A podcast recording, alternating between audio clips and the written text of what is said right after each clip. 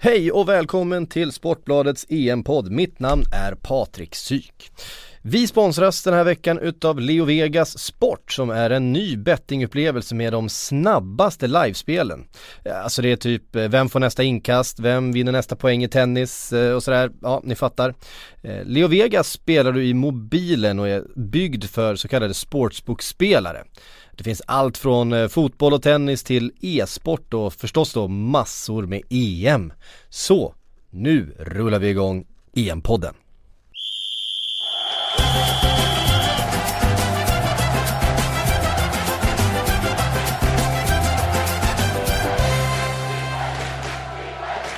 Då hälsar vi välkommen till eh, EM-podden här på Sportbladet. Mitt namn är Patrik Syk. Med mig har jag Kalle Karlsson. Eh, chockskadad efter gårdags, eh, gårdagens granat, eller vad säger man, gårdagens bomb eh, när Island slog ut England. Den, eh, den, den, den, det är väl mest Sjögren som är chockskadad eftersom han skulle ha dykt upp här i studion men har tagit sovmorgon idag. Ja. Jag antar att han ligger hemma och är chockskadad. Själv är jag inte speciellt chockskadad alls faktiskt. Eh, eh det ehm, Eh, jag anade på förhand att det skulle bli väldigt, väldigt tight och om England skulle vinna så skulle det bara vara med udda målet.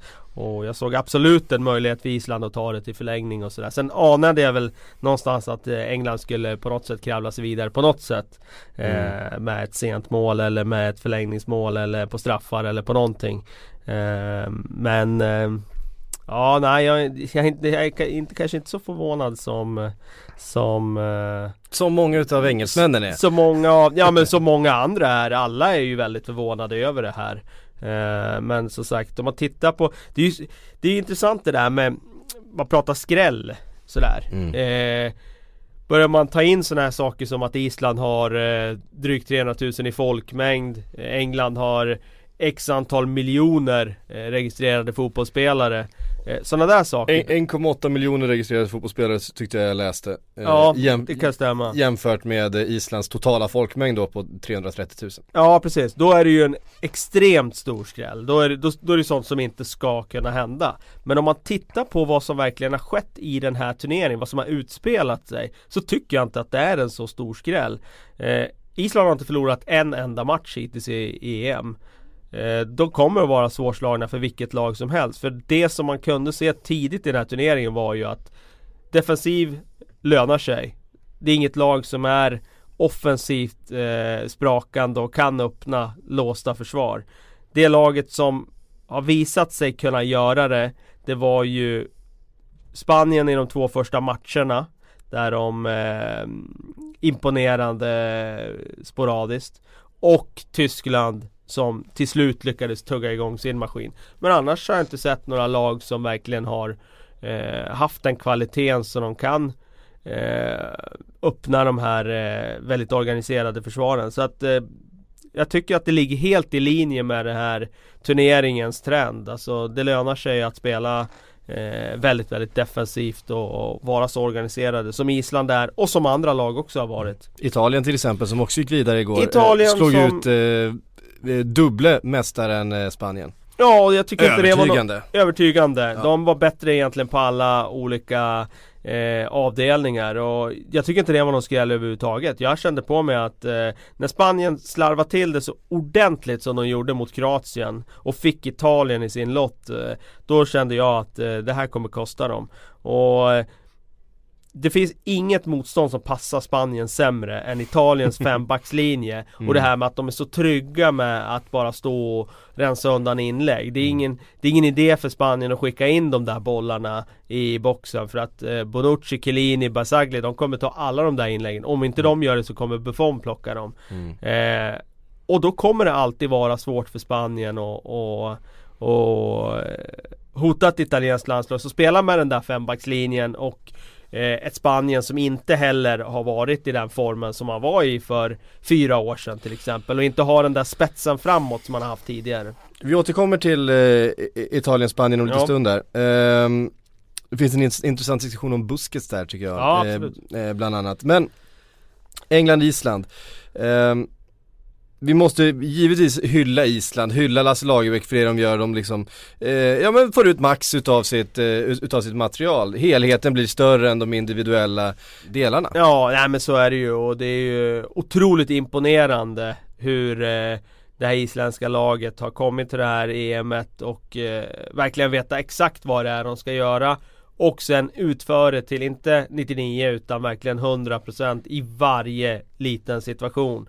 Eh, jag tycker det var träffande när Glenn Strömberg tog upp just det där med att de gör rätt i varje situation. Och det, det är inte bara det där med, eh, med defensiven utan även offensiven, hur de tar löpningar. Det var slående hur England i ett tillfälle i andra halvlek slog en direktpassning och Harry Kane stod still i det läget.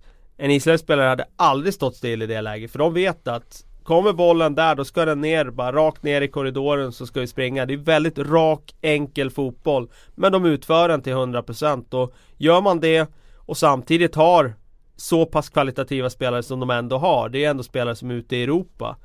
Då, eh, ja, då kan man få till det här eh, Ja, den här sortens resultat som de har fått i den här turneringen. Det är, det är såklart en otrolig framgång för Lars Lagerbäck men det är ju också en otrolig framgång för eh, isländsk fotboll och för de här spelarna som aldrig har varit i närheten av en stor turnering tidigare. Nej. Ehm, um, plusbetyg förstås på många isländska spelare.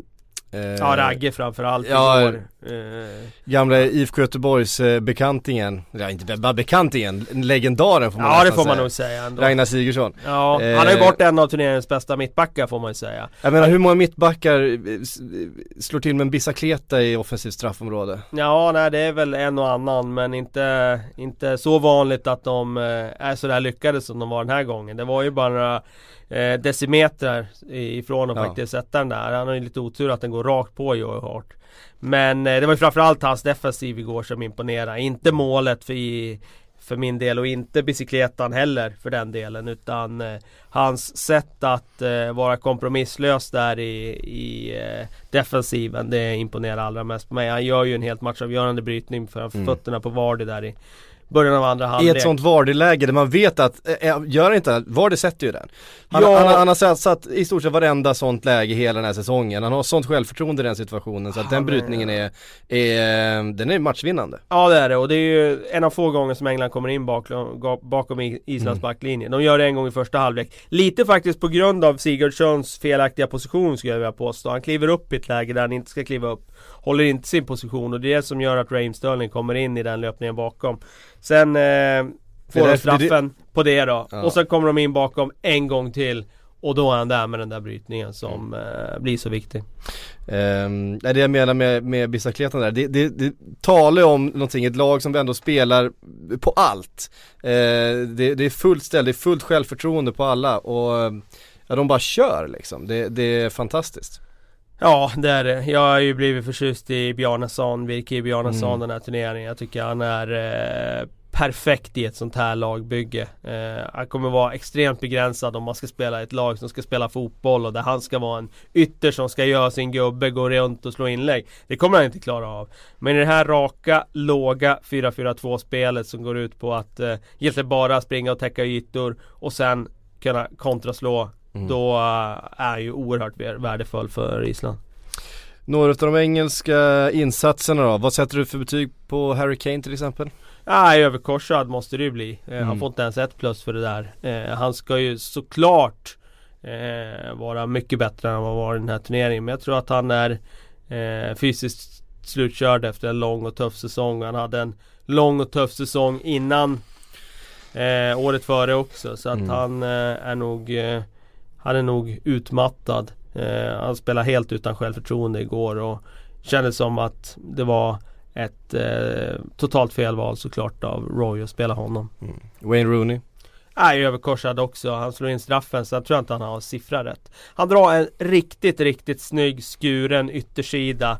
Så där han krossar den i första halvlek som är liksom sådär absolut världsklass. Men förutom det så tror att han hade en siffra rätt igår och det underströk ju verkligen den här problematiken med att Roy inte har kanske gått på kvalitet utan han har sett eh, Rooney som untouchable. Att han fick vara kvar på plan 85 minuter igår underströk ju bara den tesen. Eh, när Rashford kom in så, så var ju han eh, bättre än vad, vad, han gjorde ju mer på sina fem minuter Än vad någon utav Än vad någon, ja. någon i England gjorde på, på övriga 85 mm. får man faktiskt säga Men det är ändå så här, man har ändå tagit med spelare som Ja, ja Wilshire kom ja, in precis, och, jag tänkte komma in på Wilshire, ja. där är ju en annan ett annat val för Roy som har slagit tillbaka. Han mm. satsar ju mycket på ett kort och ta ut Wilshire som inte har spelat eh, till den här turneringen. Han har ju inte heller lyckats. Och då hade det kanske varit bättre då att ha en eh, en ytterspelare som hade kunnat gått runt och gjort sin gubbe i den här turneringen. För det har ju inte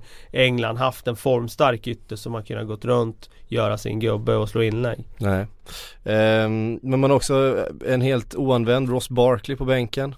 Uh, en ja. spelare som absolut skulle kunna gå in i en sån här match och, och, och göra att, uh, bidra med någonting annat. Ja alltså i den här matchen hade det ju varit betydligt bättre att ha honom framför Wayne Rooney och då säger jag det Självklart skulle Rooney starta den här matchen Det hade varit konstigt annars men När man såg det så tidigt att det inte var hans dag Så eh, hade det kunnat varit ett intressant byte mm. Sen också och där eh, med all respekt för eh, hur svårt det är att eh, Göra besluten i realtid men Sett till hur matchen utvecklade sig så hade John Stones i en sån här match varit mm. jättenyttig för England. För vad ja. behövde de hela, från minut ett i den här matchen? Jo, mittbackar som kunde ta fram bollen och slå bra uppspel förbi Islands lagdelar.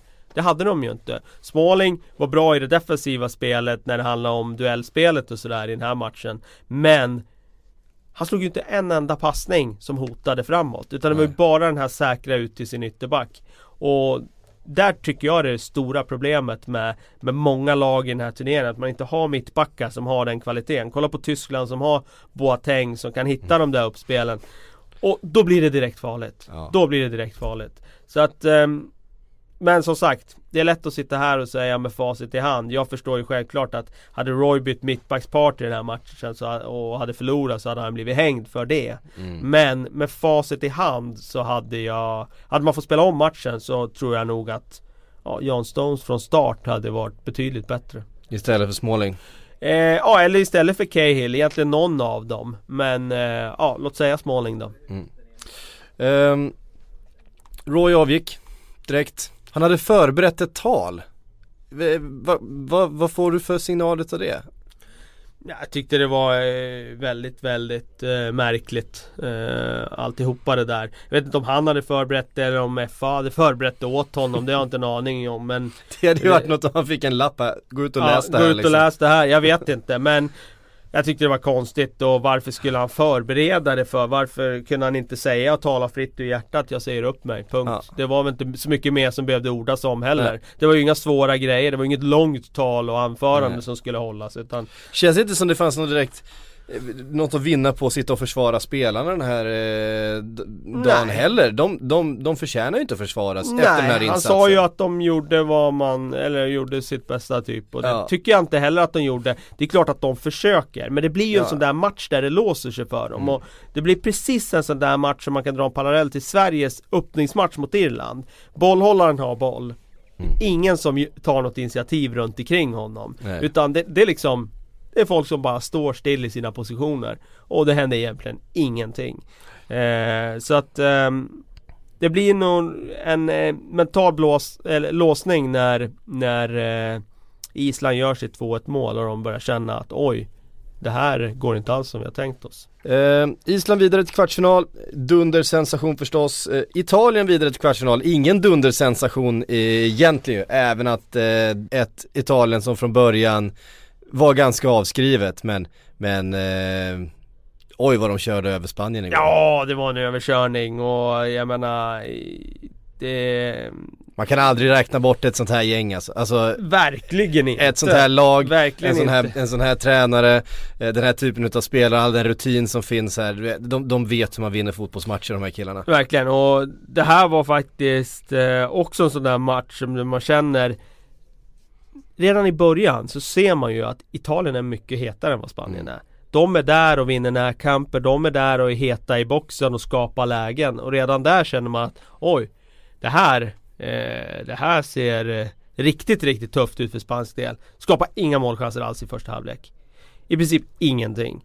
Eh, så ja, det var Tycker jag en ännu mer imponerande defensiv faktiskt än den isländska. Jag tycker att eh, sättet som Conte har Varför är det mer imponerande? Jo, för att det som Island de gör Du möter ett bättre lag ja, än vad Island dels, gjorde dels det, dels det såklart men Det Island gör, det har ju gjorts i, i all evighet Alltså det är inget revolutionerande Alla lag kan ju göra det där Det är ju det absolut enklaste för, försvarsspelet att göra mm. eh, Det som är intressant med Italien och det Conte har satt ut i den här turneringen är ju Dels såklart, han har en jäkla fördel att ha den där trion där mm. bak som är fantastisk plus Buffon som är otrolig. Eh, och det fundamentet ger ju såklart en trygghet. Men med den där fembackslinjen så har han ju dessutom satt ett eget spel där han lyckas spela bort Spanien och spanska den spanska höga pressen med att hitta vägar fram med väldigt intressanta förflyttningar i Nu är det väldigt svårt att få det här eh, liksom översiktligt men ja. eh, vid insparkarna till exempel, jag skrev, eh, folk kan gå in och kolla i min blogg så visar jag det där men eh, de, har, de har ju liksom gjort en ny variant av hur man ställer upp på insparkar. De drar isär sina mittbackar jättedjupt och jättebrett, det är inget nytt. Eh, men de skickar upp sina wingbackar längst upp i, liksom på offensiv planhalva när de slår insparkar. Och så går de ut med sina centrala mittfältare i wingbackpositioner. Och just det där sättet att formera sig har jag aldrig sett tidigare. Och där har ju verkligen Conte eh, suttit hemma på kammaren och liksom hittat ett nytt sätt att ta sig fram. Och det tycker jag är eh, kittlande, imponerande, eh, fantastiskt eh, på alla sätt. Nu lyser det i Kalle Karlssons ja, ögon alltså här. Det är, det är alltid veta. kul när man får se nya sätt att eh, liksom tackla saker och eh, Sättet som Italien spelar mot Spanien när de liksom spelar sig upp. De har ju en klar idé om hur de ska ta sig fram. Och Spanien har sin höga press som har varit effektiv i så många år. Och de bara spelar förbi den. Mm. Jag tycker det var helt fantastiskt att se eh, hur de här smarta, så otroligt spelintelligenta italienska spelarna mm. liksom hittar de här vägarna förbi trots att Spanien tror att ja men nu är vi inne i press. Nu kommer vi vinna bollen. Nej, bara en enkel passning i sidled och så, så spelar man förbi nästa led. Det var, ja, det var riktigt imponerande faktiskt. Och i försvarsspelet så punktade man Busquets. Den som ju är maestron i det där eh, passningsspelet som har skördat så stora framgångar under så många år. Är det dags för eh, Ska, man ska vi liksom pensionera det här spanska sättet att spela fotboll på? Är det, är det daterat? Eh, mm, den här typen av passningsfotboll eh, som trianglarna runt omkring Death by fotboll mm. eh, Kväva sin motståndare med bollinnehav och hela tiden och, och vinna tillbaks bollen högt hela tiden Nej, det ska vi inte göra eh, Men det är det absolut svåraste sättet att vinna fotbollsmatcher på Eh, det är mycket enklare att stå lågt och kontra. Det är, det är ingen eh, liksom det är ingen nyhet att det förhåller sig på det sättet. Det man måste göra om man ska spela som Spanien är att man måste göra det med väldigt hög kvalitet. Då krävs det också individuell kvalitet längst där framme och jag tycker inte Nolito bidrog med det eh, i gårdagens match på något sätt. Han tar sig inte förbi sin spelare. Alltså han, han skapar ingenting på det sättet. Medan Barcelona då, när de spelar den här typen av fotboll så har ju de spelare där framme som kan göra det där lilla extra. Eh, och framförallt hur viktigt det är att ha spelare som slår sin gubbe. Jag trycker på det i den här turneringen. Jag tycker det är verkligen är den kvaliteten som saknas för mycket. Jag vill ha tillbaka riktigt skickliga traditionella yttrar som kan göra sin försvarare För det är ofta det som skapar öppningar i fotboll När det är så här låga försvar och så. Kolla på Island till exempel som eh, igår bara kunde stå i sina positioner England spelar runt, runt, spelar i sidled. När Rashford kom in och verkligen testade sin ytterback Ja men då ja. händer det grejer Ja. Och det blir helt annorlunda om man har haft den kvaliteten på plan från början i England. Sen är det klart, jag menar Rashford kommer in när Island är trötta. Det är lättare mm. att göra det då än vad det är i minut ett. Men det jag trycker på att Spanien med deras spel eh, så hade de behövt mer kvalitet där framme på att göra sin eh, motståndare. Mm. Um, Italien kommer nu möta Tyskland. Vi ska prata mer om det på um eh, Eh, på torsdag när vi gör eh, nästa avsnitt men eh, det känns nästan redan nu som en moralisk final. Ja det hade ju absolut kunnat vara i finalen, det är ingen tvekan om det. Jag tycker Tyskland är det laget som är mest komplett i den här turneringen, som har flest vapen. De kan både ha en plan A, hålla i bollen, men de kan också ha en plan B med eh, en tung centertank som ger lite presence i straffområdet. Och en plan C med Julian Draxler som kan göra sin spelare. Mm. Vi ser hur viktigt det är just den, den ingrediensen i anfallsspelet. Så att jag tycker Tyskland eh, ser riktigt starka ut men som sagt alltså det går inte att ut, räkna ut något lag i den här turneringen. Det, det, den här defensiva trenden blåser genom eh, Europa som den gör nu med Leicesters framgångar i Premier League med Atletico Madrids framgångar i eh, mm. Champions League Med Juventus Med Juventus och eh, Framförallt med, med det vi har sett i EM här Med, med lag som verkligen eh, eh, vinner på att eh, backa hem och spela snålt. Så jag räknar verkligen inte ut Italien här. Jag räknar verkligen inte ut Island mot Frankrike. Absolut inte. Island skulle kunna vinna hela det här EMet. Så, eh, så, så pass effektivt är det i den här turneringen att spela på det sättet. Som Lasse Lagerbäck sa igår i intervjun efteråt, såg du den? Han var eh, sådär härligt eh, eh, självgod men ändå jordnära på något sätt. Ja, det är så här man eh, gör om man vill nå resultat. Ja. Ett enkelt konstaterande från, eh, från Lagerbäck. Det, man måste försvara och sen så får man ställa om.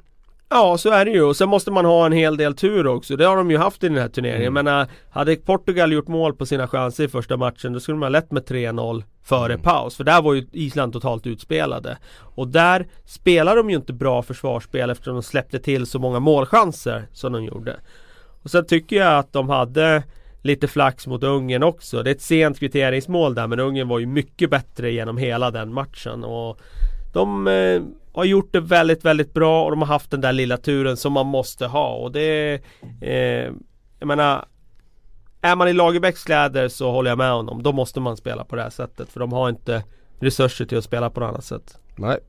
Eh, Åttondelsfinalerna är därmed avklarade. Eh, Vi fick eh, Polen som slog Schweiz på straffar efter 1-1. Wales slog Nordirland. Eh, Portugal slog Kroatien efter mål där på eh, övertid. Eh, Frankrike slog Irland och eh, Tyskland, Slovakien 3-0 till Tyskland. Eh, Ungern slog, eller förlorade mot Belgien med 4-0. Vi kan väl eh, gå tillbaks till lördagen. Eh, och titta på de lagen som tog sig vidare därifrån. Polen som eh, vi håsat lite inför här, eh, fick ändå eh, ta sig till straffar för att ta sig förbi Schweiz. Eh, Granit Xhaka var fantastisk i matchen men bommade sen straffen. Eh, Sådär typiskt, största stjärnan, mest press. Det där eh, är något vi har sett ganska många gånger. Eh, och Polen vidare. Ja. Eh... Återigen en, de- en imponerande defensiv. Ja så är det ju. Och Schweiz har ju också haft en imponerande defensiv i den här turneringen. De eh, hade kunnat gått långt i den här turneringen tack vare den. Men eh, nu stöter de på ett Polen som vi har sett som lite outside i den här turneringen. Jag tycker imponerande att Polen går så pass långt som de gör utan att få gått, fått Hej, jag Ryan Reynolds. På Mint Mobile, we like to do the opposite of what Big Wireless does. They charge you a lot. We charge you a little. So naturally, when they announced they'd be raising their prices due to inflation, we decided to deflate our prices due to not hating you. That's right. We're cutting the price of Mint Unlimited from $30 a month to just $15 a month. Give it a try at mintmobile.com slash switch. $45 up front for three months plus taxes and fees. Promote for new customers for limited time. Unlimited more than 40 gigabytes per month. Slows. Full terms at mintmobile.com. igång Lewandowski, deras stora stjärna. Det finns ju sparkapital verkligen mm. i Polen. Ska de få igång honom också här nu? Och med de här andra spelarna, lite rollspelarna som verkligen har tagit ansvar. Milik, Kuba, Piszek, Krychowiak som mm. kanske lite mer än en rollspelare. Han är väl Tycker jag nyckelspelaren ja. bakom Lewandowski. Men jag tycker de har ett bra lag alltså. Ja. Josicki var ju fantastisk väldigt välbalanserad här, alltså. Ja, ja absolut och Josicki var ju väldigt eh, bra i den här matchen. Jag tycker mittbacken mm. Pastan mm. också har gjort det väldigt bra. Mm. Så att eh, ja, de, är, de är bra Polen. Ja. Riktigt bra och eh, mitt tips är att de faktiskt spelar semifinal. Ja, jag tror de slår ut Portugal. Ja, ehm, och Kuba Blasjukovski. Mm. Vilken, eh, vilken mästerskapsform han har hittat. Han gör ju mål i varenda match. Ja, det är lite kul. Han eh, var ju glödhet i Dortmund för ett antal år sedan. Men ja. han har inte kommit till den här turneringen med någon superform eller något sånt. Men eh, ja, det, han har verkligen toppat formen här. Möter som sagt eh, Portugal då som eh, också på lördagen slog ut eh, Kroatien. Lite överraskande faktiskt tycker jag. Eh, efter ett sent mål där på, på övertiden. Eller på extra tiden säger man. Ja.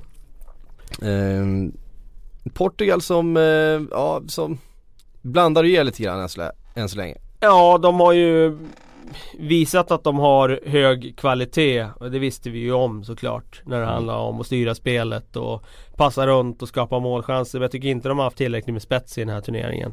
Eh, det är såklart ett eh, eh, ditt underbetyg att de måste spela Nani och Ronaldo längst fram mm. för att de inte har någon annan. Jag tycker inte att det har fungerat eh, klockrent. Men eh, de har ju uppenbarligen tillräckligt med kvalitet för att underprestera och ändå ta sig vidare. Så att eh, om de kan växa i den här turneringen nu så kan de bli väldigt giftiga. Eh, det vore lite typiskt om Portugal som har varit så bra i så många år tidigare och varit så nära att få till den där fullträffen mm. Vinner nu när de inte spelar speciellt mm. övertygande Men, Men där eh, finns i alla fall folk som kan slå sin gubbe det finns det ju onekligen. Både Nani och Ronaldo är väldigt, väldigt skickliga en mot en och Karesma är ju en väldigt fin joker att skicka in mm. från bänken också. Så att, eh, och sen har de ju elaka mittbackar som, som eh, eh, håller ihop det där bak också på ett bra sätt. Så att eh, Nej, de är, jag tycker William Carvalho kom in på mitten också och gjort det gjort det bra. Ja, han eh. hade det lite kämpigt i början av turneringen tyckte jag. Ja, han fick men... inte spela där i början heller men jag eh, tycker han ger kanske lite mer balans åt det här portugisiska laget som annars kan bli lite väl offensivt viktat. Sen precis som vi har sett under säsongen, Renato Sanchez är ju en eh, Det är ju en spelare alltså. En hyfsad talang, ja. får man säga. Den fysiken alltså, ja, den, den förståelsen och ja, tempot han spelar i, det är verkligen imponerande. Värdnationen Frankrike är det ju många som har som favorit, eller hade inför i alla fall. De har också på något sätt hankat sig vidare till en kvartsfinal här. 2-1 eh, mot Irland efter eh, eh, mål av Grishman som äntligen eh, det ser ut som det börjar lossna lite för. Har också sett trött ut. Eller han gjorde i alla fall de första matcherna Ja han, han var ju väldigt trött i premiären ja. och blev ju bänkad på grund av det sen. Eh, Nu har han vaknat till liv och jag tror just Frankrike som får, nu får igång sin nyckelspelare eh, Känns som att deras kurva pekar uppåt. Mm. eh, Nu behöver de bara få igång de övriga där framme också. Giroud får ju gärna spotta in lite fler mål Vara lite hetare i straffområdet. Pogba får ju gärna hitta en lite jämnare nivå i matcherna. Han blandar fantastiska saker med enkla misstag och är väldigt överambitiös ibland också. Så um, tycker det finns mer att plocka ut av det här franska laget. Nu är Kanté avstängd mot mm. Island som är väldigt skickliga på kontra. Och det kan vara ett kännbart avbräck just i den här matchen. Även eh, Rami Rami avstängd, där kommer Mangala in och det är klart mm. att det är ett avbräck Rami har väl inte, inte direkt varit eh, sådär jättelyckad så här långt Han har varit okej okay, tycker jag, jag tycker han har varit okej okay. eh, Men eh, eh, Det är klart att det är ett litet avbräck att behöva byta mittback just till till eh, den här matchen. Sen behöver man ju starka huvudspelare. De är väl ungefär jämna där, Rami och Mangala kanske i luftspelet. Ja. Eh, men det Frankrike måste göra till nästa match det är ju verkligen eh, fokusera och vara superkoncentrerade på de isländska fasta situationerna. Mm. För där har de ju inte råd att, att slumra till. Varenda inkast är ju eh, ett anfallsvapen för Island. Det är faktiskt någonting nytt tycker jag det här med att man Och där kan jag tycka att det går lite till överdrift där med att man Får man ett inkast vid mittlinjen så tar man tid på sig, ska torka av bollen och så ska man dra ett långt inkast. Eh, Stoke eh, på sin tid eh, Satsade ju på långa inkast men de gjorde det inte från mittlinjen. De gjorde det ju när de fick inkast i ett offensivt läge. Island har ju dragit det här ytterligare ett varv. Och jag tror till och med de drog ett långt inkast när de fick den på egen planhalva igår. Alltså någon meter på fel sida av mittlinjen. Och det är något nytt för mig. Ja det är Eh, det är kanske inte en utveckling som vi, så, nej, så, det, som det, vi älskar Nej det, det, tycker jag inte Det där har vi väl sett förut och, Det tycker jag inte att det är Eh, Frankrike som sagt, eh, Irland hade inte mycket egentligen eh, att, att eh, säga till. De hoppades ju få en revansch för den där eh, Henri Hansen mm. från, eh, ja när var det? 2007 ja, var det inför? ja, kan ha varit inför 2008, det kan det ha varit. Ja. Eh, såg du förresten studion där i BBC när eh, Henry satt mellan eh, Alan Shearer och eh, någon till och eh, de skulle kommentera, det var uppsnack inför den här matchen och det började pratas om den här eh, hämnden som, som de irländska spelarna eh, skulle utkräva då från Frankrike efter den där, den där matchen och sen så eh, hintar de lite grann om att ja den där, den där Hansen, som, och, eh, ja, googla det, det är Ja, jag missat det faktiskt. Jag, jag, hörde talas om det där, eller hörde talas, jag ska inte säga. Jag såg det, det snackades om det på Twitter men mm. jag har inte kollat. Googla upp det, det är ganska roligt faktiskt. Han, eh, han vet inte riktigt vart han ska ta vägen, eh, Henri där. Men eh, ja, det är, inte mycket, det är inte mycket att säga om. Det, det är sånt som händer. Eh, Tyskland, Slovakien, eh, Julian Draxler nämnde du som hastigast tidigare, han hade ju show. Får ja, man, får man säga. Ehm, och Tyskland, ja alltså Tyskland är ju Tyskland är... Ja, så har vi fått in Gomes där framme nu som jag tycker ger lite mer tyngd än vad eh, lättviktaren Mario Götze gjorde de första matcherna. Jag tyckte inte att det såg så eh, skrämmande ut med honom där framme. Men Gomes, även om Gomes inte är lika bra som han varit så är han ändå en, en naturlig striker. Han ger lite eh, eh tyngd och presence där framme och det det tror jag kommer göra Tyskland mer spetsigt än, än vad det varit tidigare. Mm. Möt, ställs mot eh, Italien och det blir ju verkligen en eh, Dels så blir det ju en, eh, en hjärnornas kamp då också mellan eh, Jogi Löw och eh, Conte Ja turneringens två kanske bästa tränare Ja, får man säga eh, Och eh, Det blir såklart intressant att se Jag, jag tror ju att Conte någonstans. Han kommer inte förlora den taktiska matchen. Han kan förlora matchen på planen för att mm. Tyskland har individuell kvalitet och så vidare. Eh, Och att de är bättre eh, där ute. Men han kommer inte gå bort sig taktiskt på något sätt utan eh, Tyskland kommer behöva spela på, på 100% för att vinna. Mm. Vilket de ju ganska ofta gör. Eh, är... kanske, kanske inte gjort det hittills i turneringen men man vet att det kommer. Ja. De är ju alltid där. Så är det väl någonstans Eh, och sista matchen vi inte har pratat om då, eh, Belgien-Ungern 4-0. Äntligen fick vi se ett Belgien som, som sprang lite grann, som visade sig i de där ytorna. Eh, och den som jag tror sprang mest var väl Lukaku i början, men det var ingen som passade till honom. Nej, precis. han kämpade alltså.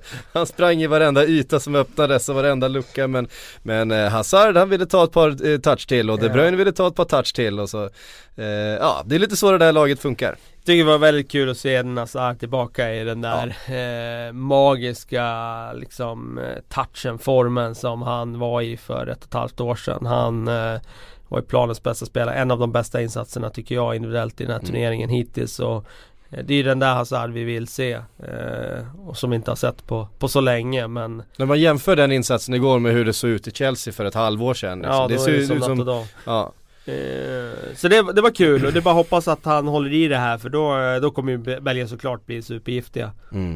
Eh, han har den här förmågan att verkligen springa slalom mellan, mellan motståndarna. Jag vet inte hur många gånger man såg någon bara, ja men ta bollen och bara jogga förbi. Liksom en, två, tre, fyra spelare. Mm. Eh, nej, fantastiskt. Ja, verkligen. Eh, ett eh, ganska hyfsat inhopp utav eh, Batshuayi också. Ja får man säga. Eh, de har ju lite Man ska vara där också. Alternativ där framme. eh, och han är ju en som som kommer att flytta i sommar här och det verkar ju som att det kan bli Crystal Palace till och med. Det vore väl någonting. Ja verkligen. Eh, ja. Det, blir säkert stora pengar även att det Det kommer det garanterat bli un, Undre halvan utav eh, Premier League Det är så det funkar nu för tiden eh, Belgien då som eh, ställs mot Wales eh, De hade varandra i kvalet va? Och jag, om jag inte minns helt fel så har Wales slagit Belgien i kvalet till det här eh, Europamästerskapet 1-0 var hemma va? Yes Jag tror det eh, Så att de kan ju ändå kliva in i den här matchen med ett eh, visst självförtroende och en, eh, ja men helt enkelt med en känsla av att de har gjort det förut och vet hur man ska slå det här Belgien. Ja, och jag menar de har också en disciplinerad defensiv Wales och de har dessutom ett kontringsvapen som få andra lag kan matcha i Gareth Bale. Mm. Och ett frisparksvapen såklart som ingen kan matcha i den här turneringen. Mm. Eh, så att eh, det är inte alls omöjligt att Wales sticker upp och kontrar in en boll tidigt och då kommer det ju bli riktigt tufft för Belgien såklart. Och Wales mittfält har imponerat eh, mycket tycker jag. Verkligen. Joe Allen har varit väldigt bra. Eh, Ramsey, Ramsey har varit, har varit väldigt bra. Ledley har ju gjort sitt, nej, de har en bra trio där. Ja. Det är ju liksom gedigna Premier League-spelare plus Ramsey som är mer än så. Ja. Eh, och där bak har de ju också men Ashley Williams är ju en väldigt bra mittback i Premier League. Ja, jävlar vilken hårding han är dessutom. Han sprang där. Var axeln ur led? Hur var ah, det? Nej jag tror armen fick sig en rejäl smäll. Jag tror det var armen snarare. Ja, det såg helt sjukt ut. Armen. Nej, det såg helt han vägrade ju bli utbytt. Såg du det? Han, Eh, I'm fine skrek jag ju där till bänken Jag repeterade 6-7 gånger också Ja, han, uh, han var inte sugen på att kliva av stoppa in James Collins där i slutet ja, Men precis. han fick vända tillbaka och sätta på sig västen igen Även James Collins är också en kille som kan göra ett jobb i en sån där Ja det kan man lugnt match. säga. Han, vet hur man, han vet hur man stångas. Han vet hur man vinner närkamper. Ja, eh, nej men jag ser verkligen fram emot det här kvartsfinalspelet. Det har varit eh, Eh, en lite sådär sömnig åttondels eh, finalomgång då eh, Jag tycker det har varit en sömnig EM-turnering i stort. Jag har ju skrivit det och jag skrev det redan i, efter ett par omgångar i gruppspelet. Jag tycker att det har varit det fortfarande. Det har inte varit någon sprakande turnering Det har inte varit någon högkvalitativ turnering på något sätt Men förhoppningsvis så tänder det till lite grann nu Jag tycker Eh, Spanien-Italien var en sån match som fick mig att gå igång lite eftersom jag tycker mm. Italien imponerar så pass mycket som de ändå gjorde i den matchen. Eh, jag hoppas på fler matcher där där vi får se lag verkligen bjuda upp och, och eh, bjuda på mer än vad de gjorde i början av den här, eh, det här mästerskapet. Mm. Um, även eh, Eden Hazards insats tycker jag var gjorde mig på bra humör. Den där dragningen när han, när han ser ut som han ska passa en offside-stående spelare men han spelar till sig själv. Alltså när han spelar fram det Batshuayi, mm. det är väl 2-0 eh, målet va? Ja det är det nog. Eh, det är ju så, det är ju, det är ju sån magi alltså. Ja, det, där, det, där, det där är ju fullt medvetet. Det där är ju ingenting som eh, Han lurar ju bara backlinjen där helt enkelt. Det, det där, är sånt gillar. Ja, nej, det är klart. Både han och Draxlers insats var ju också en sån som gjorde en på bra humör. Ja. Vi har eh, som vanligt fått lite frågor skickade ut på Twitter. Eh, Sportbladets EM-podd kan man eh, tagga. Vi har fått en från Peter Landgren. Eh, han skriver, vad kan man hitta för motdrag till detta tråkiga försvar till varje pris för vi är inte bättre spel? Jag tror han syftar på Island. Ja, jag tror han syftar på Island bland annat. Jag tycker många lag i den här turneringen har använt den strategin. Alltså mm de har kommit till EM för att stänga till och bara stänga till egentligen mm. och sen satsar man på de där kontringarna som alltid kommer dyka upp. Eh, det är lite tråkigt att det ger sån effekt kan jag tycka. Eh, som det gör i den här turneringen. Att det som framförallt är tråkigt är att de de eh, lagen som vill spela offensivt inte är tillräckligt bra för att öppna upp dem. Mm. Och det är väl där som problemet ligger. Vad man ska göra? Ja, man ska spela med ännu högre tempo. Eh, ta ännu smartare löpningar, fler löpningar, får inte bli så stillastående som det blev för England igår. Och det måste finnas individuell kvalitet att öppna låsta försvar och det tycker jag inte har funnits i den här turneringen. Eh, sen är det klart, en annan aspekt är ju plankvaliteten i den här turneringen. Mm. Så väldigt, väldigt dåliga planer. Det var en väldigt dålig plan igår. Ja. Alltså man ser ju att bollen studsar till. Det är svårt att få tempo i spelet. Ja. Det är klart att det gynnar de här lagen som bara satsar på att ligga i rätt position och England hade behövt att liksom spela med ett väldigt högt passningstempo. Men så studsar bollen till och det behövs någon extra touch och då hinner Island hela tiden in i, i rätt position igen. Så att Um, bättre planer är en aspekt, bättre mm. spelare eh, De hade ju väldiga problem med, med översvämningar eh, inför här i Frankrike. Ja.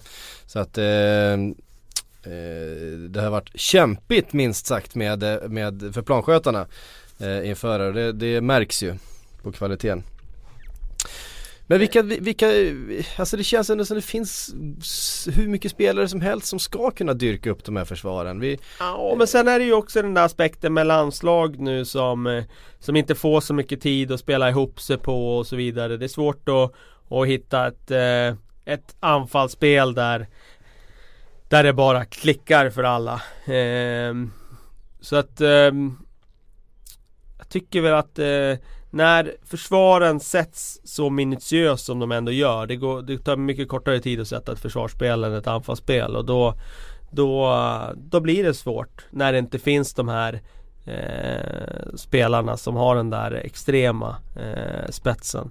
Så fort det finns de spelarna, Hazard som gör en sån match som han gjorde, Payet gjorde i början av mm. turneringen, mm. Draxler gör det.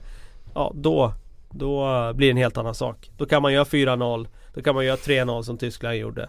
Men har man inte de där att spelarna Att få hålet på, för då, då tvingar du ju motståndaren att, att eh, Göra hitta något. på något annat Ja precis, och det var ju därför det var så viktigt för Island igår att få 1-1 målet För att eh, det passar ju inte alls Island att eh, att behöva gå framåt. Nej. Det skulle vara väldigt intressant Det hade varit intressant i den här turneringen om Island hade fått eh, liksom ett Albanien i sin grupp eller ja. något sånt där. Vad hade hänt då? Eller ett Nordirland. Ja, eller ett Nordirland.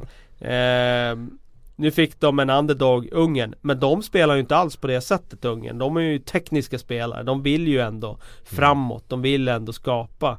Eh, så det var ju en helt annan eh, typ av utmaning. Men eh, det hade varit intressant att se Island i den här turneringen möta någonting där de måste göra något själva. Och det kommer de inte behöva mot Frankrike heller. Nej, inte all, riktigt. All, all, inte all, riktigt. all, all, press, press på Frankrike. Nå, eh. Något som är intressant nu då, det är någon som frågar, Gugge AFC frågar Lasse Lagerbäcks nästa jobb.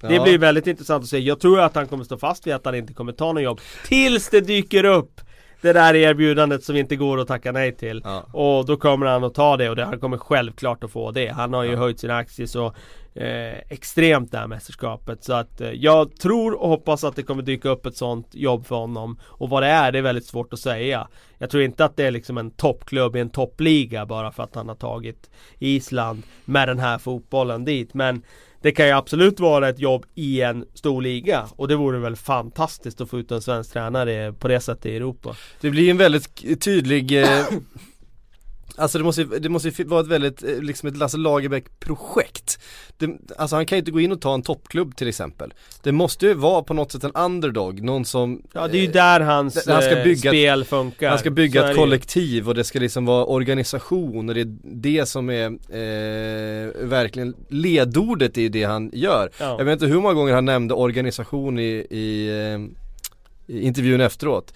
Eh, och det är det han, han bygger hela sin eh, spelidé på. Men jag kan se honom få ett lag i Bundesliga till exempel som mm. Eh, inte är en av de allra största som vill spela eh, Lagerbäck-fotboll och som vill göra resultat med den typen av spel. Eh, det vore väl fantastiskt om han fick det. Sen blir det såklart intressant också att se vem som tar över England.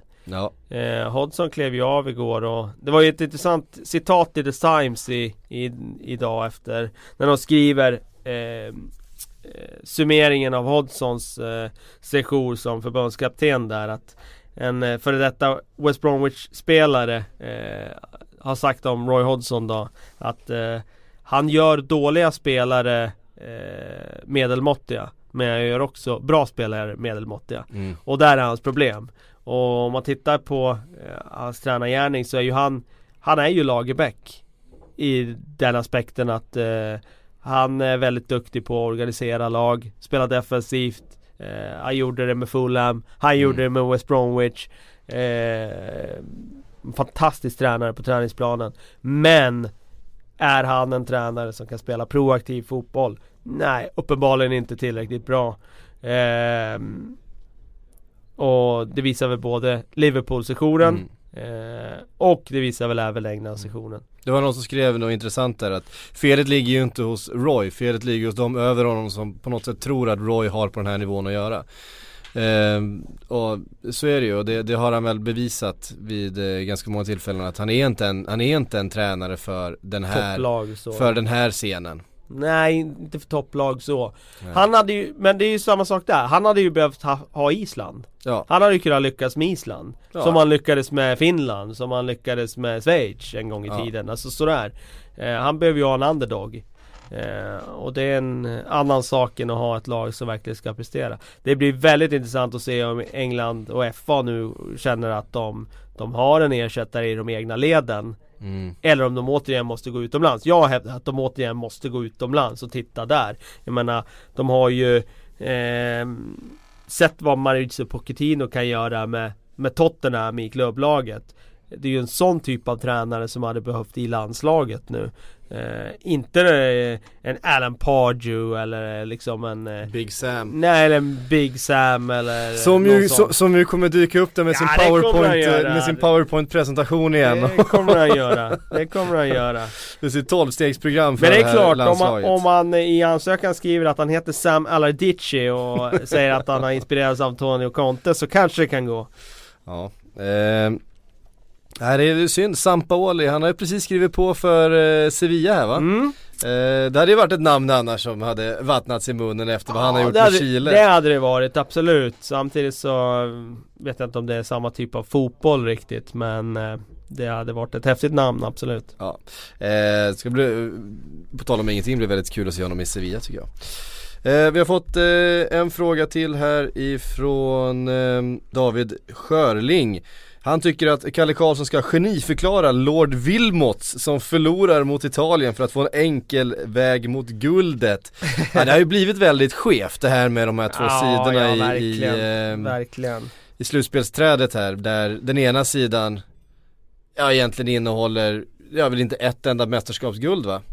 Eh, bland Nej. de som, och Nej. på andra sidan så har du Tyskland och Italien och Frankrike och eh, alla tungviktarna liksom. Så att, eh, ja, Belgien ser ut och eh, det känns som Belgien och Polen på den sidan. Ja, de har ju en fantastisk chans att nå en final nu. Det är ingen mm. tvekan om det. Eh, de vägen ligger ju öppen. Det handlar ju mer om dem själva. Eh, så att, ja. vi har ju sågat Wilmots ganska duktigt i den här podden tidigare. Med all rätt tycker jag. Ja. Jag tycker han ser begränsad ut i den där rollen. Eh, har inte imponerat alls med det han har gjort med Belgien. Och det fantastiska material han har till förfogande. Men eh, det är klart, det är vinnarna som skriver historien. Går han till final här skulle han till och med lyckas ta det här Belgien till titeln. Ja, då, då är det ingen som kommer komma ihåg att de såg ut som ett delat lag i gruppspelet. Det kommer vara bortblåst då. Ja, eh, verkligen. Och sen så, sen så börjar ju eh, faktiskt Belgien eh, klicka lite grann nu. Alltså de börjar hitta varandra. Det såg vi ju mot, eh, mot Ungern i alla fall, i, inte minst i andra halvlek. Eh, där de faktiskt hade ett, ett passningsspel även om stackars Lukaku, jag säger det igen, inte, inte fick vara med. Jag vet inte vad de hade emot honom i den där matchen. fick ingenting att jobba med. Ja, ja, hur som helst. Det ju, må ju vara hänt när man vinner med 4-0. Hörrni, tack för att ni har lyssnat. Vi är tillbaks med EM-podden på torsdag igen. Däremellan så kommer en silverpodd imorgon för er som eh, uppskattar den cirkusen. Eh, Tack för att ni har lyssnat, tack Kalle för att du kom. På återhörande.